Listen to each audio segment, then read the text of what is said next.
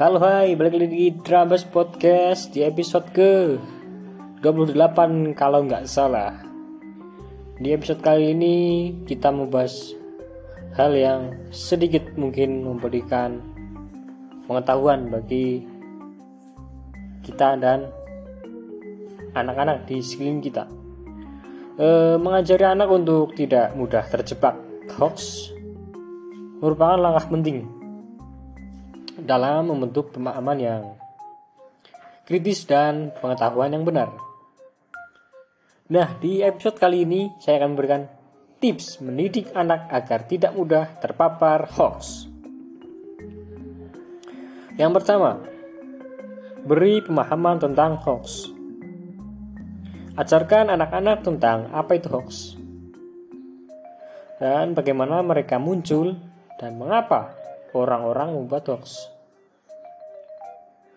Jelaskan apa sih hoax?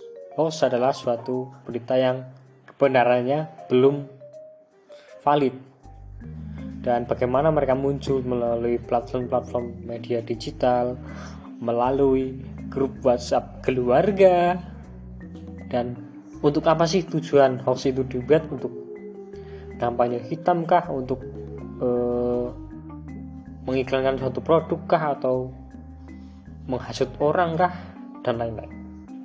Dan juga berikan contoh nyata hoax yang pernah beredar dan jelaskan mengapa penting untuk memahami dan mengenali hoax.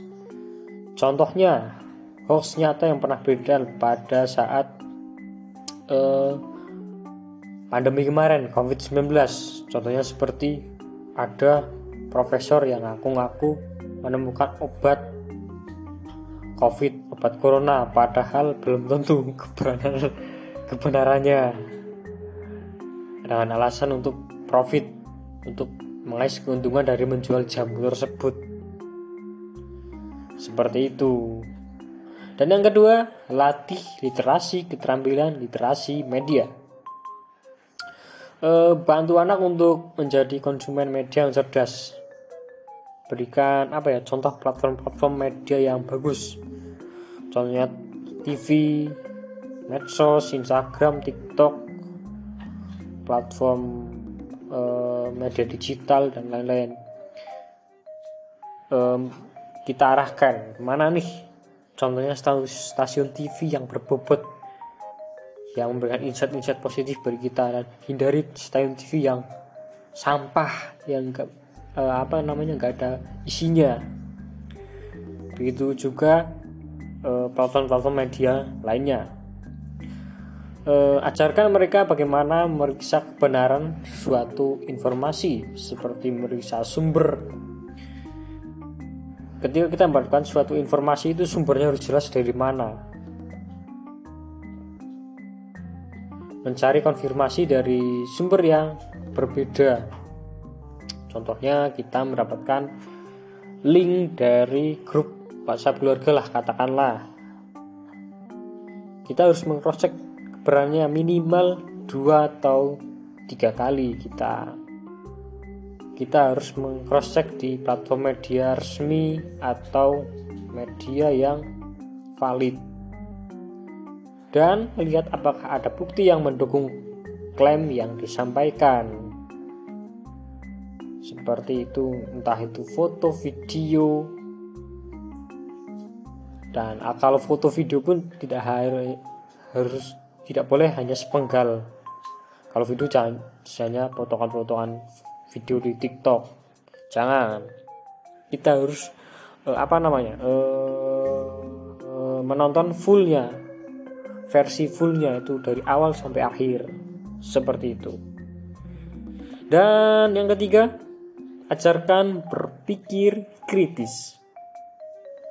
E, dorong anak-anak untuk bertanya, menganalisis, dan mengevaluasi informasi yang mereka terima ketika kita diharapkan situasi di mana diberikan informasi kita harus menganalisis ini kita harus bisa berpikir uh, ini informasi itu benar atau enggak? Ini informasi itu ngawur atau cuma apa? Informasi sampah yang gak ada gunanya. Ya untuk menaikkan view atau ada maksud terselubung, terselubung di dalamnya.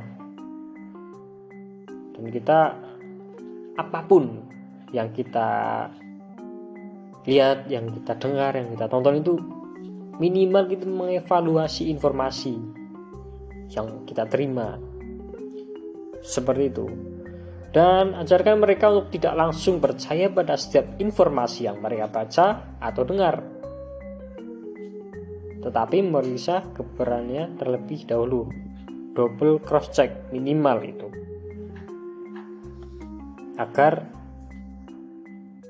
kita tahu kebenarannya. Jangan kita hanya mendengar informasi atau melihat informasi simpang siur terus kita mengambil sikap yang tidak baik atau tidak bagus.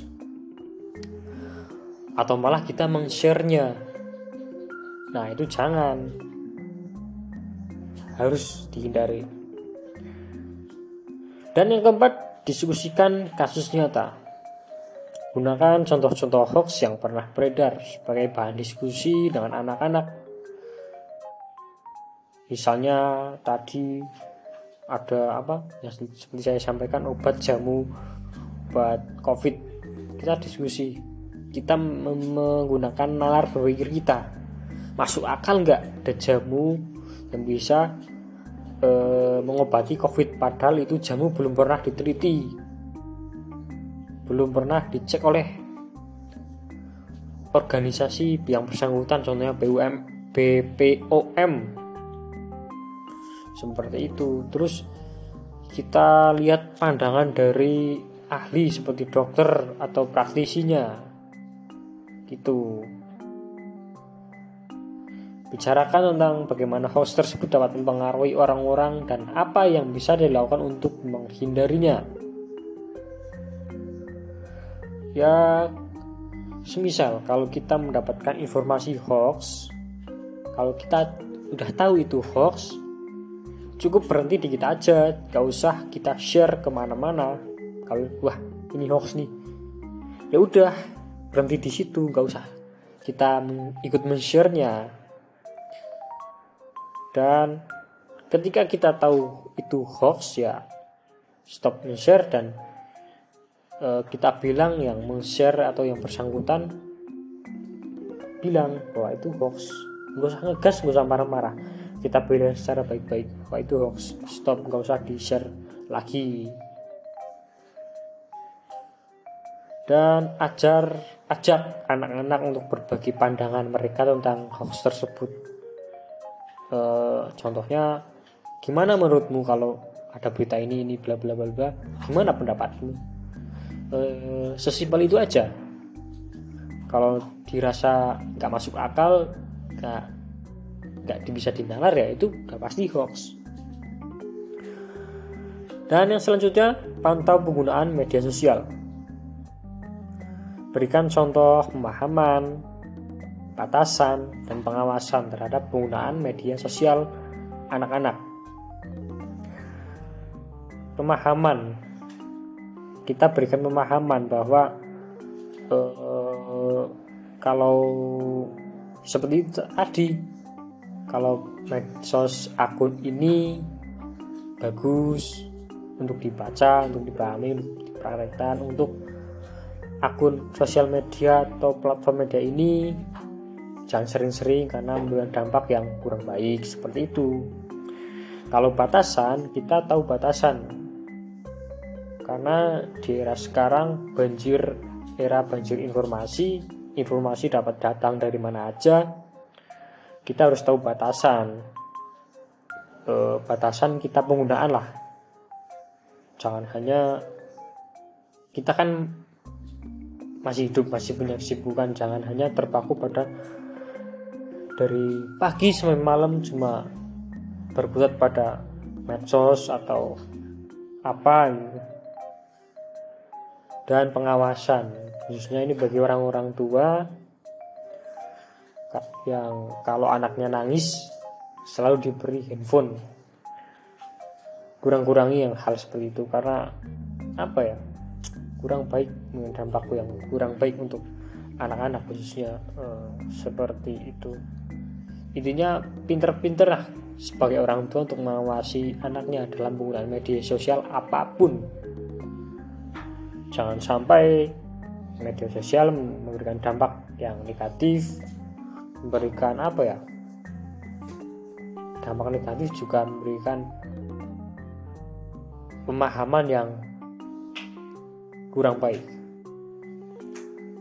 Dan diskusikan dengan mereka tentang resiko dan bahaya penyebaran hoax.